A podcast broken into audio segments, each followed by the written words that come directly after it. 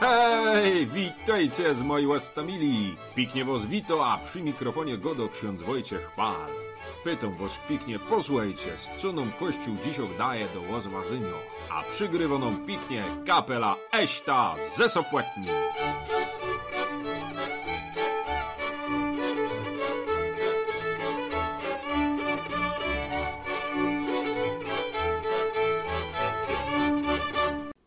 Dzisiaj zaś moi ostomili mamy se już Wielkanoc i bez to cytomy bez dzień od świętego Jona 20 rozdział, pierwsze dziewięć wersetów, to se za chwilkę posłuchamy, potem zaś będzie też gotka o tym, jako to stary górol tłumaczył proboszczowi o ziemniakach w piwnicy, no i na koniec to jest moje rozważanie. Pięknie was zapraszam, posłuchajmy.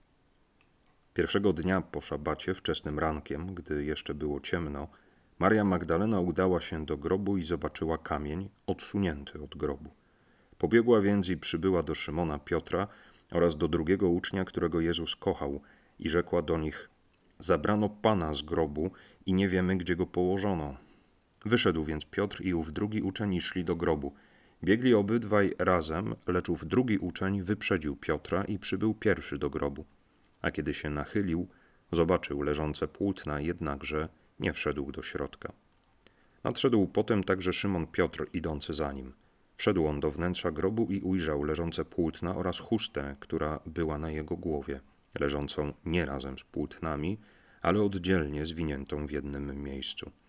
Wtedy wszedł do wnętrza także i ów drugi uczeń, który przybył pierwszy do grobu. Ujrzał i uwierzył – Dotąd bowiem nie rozumieli jeszcze pisma, które mówi, że on ma powstać z martwych.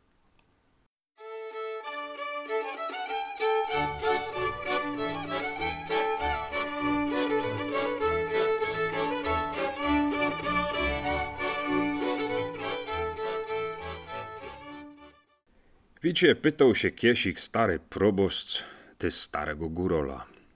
Jasiu, a powiedzże mi, jak ty to robisz, żeś jest taki dobry? Przecież nieraz ludzie cię okradali, oszukali, okłamali, syna ci na wojnie zabili, a i ty już na starość chodzić nie możesz. Nie gniewasz się na ludzi ani na ponbucka? Górol się zadumał i po chwili go do tako. Jego mościu, a przebieraliście kiedyś ziemnioki w piwnicy? No, no nieraz. Ale co to ma wspólnego? Zdziwił się proboszcz. Widzicie, i otysse przebierą moje serce i pozierą, co tam gnije. Bo kiby chował w sercu jakiegoś zgniłego ziemnioka nienawiść jabo zolu, lankor takiego, co zżero jako robak, jabo inksa bestia, to całe serce by mi od tego pogniło.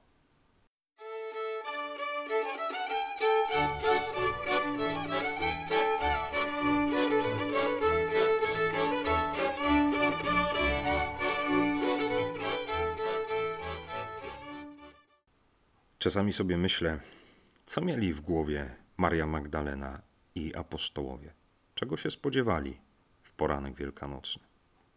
Wydaje mi się, że Maria myślała, idę zabalsamować zwłoki Jezusa. Piotr i Jan, kiedy usłyszeli, że nie ma ciała Jezusa, pewnie myśleli, ciekawe, czy złodzieje zostawili ślady. Może będą tam jakieś wskazówki, może będzie jakiś tajny wysłannik e, z propozycją, żebyśmy odkupili jego ciało. A może to po prostu pułapka na nas, żeby po śmierci Jezusa i nas wszystkich wyłapać i pozabijać.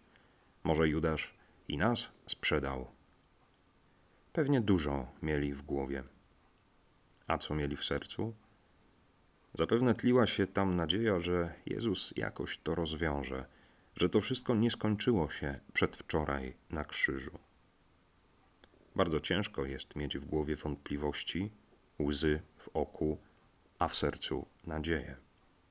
Na szczęście Maria Magdalena pozwoliła, by to serce ją prowadziło do grobu, a nie zatrzymała powódź łez i żałoby. Na szczęście apostołowie pozwolili, by to serce dyktowało tempo nogom, a nie umysłu. Piękne jest też to, że Jan nie wzgardził Piotrem, że ten się zaparł Jezusa w jego obecności wtedy na dziedzińcu arcykapłana – ani nie miał pretensji, że Piotra nie było pod krzyżem. Piotr Nie zazdrościł, że to najmłodszy Jan został wyróżniony przez Jezusa, ani przyjaźni na ostatniej wieczerzy, ani testamentu pod krzyżem. Piotr nie chował w sercu zazdrości i wrogości. Jan nie miał w sercu ani pogardy, ani złości, bo mieli w sercu to, czego nauczył ich Jezus miłość.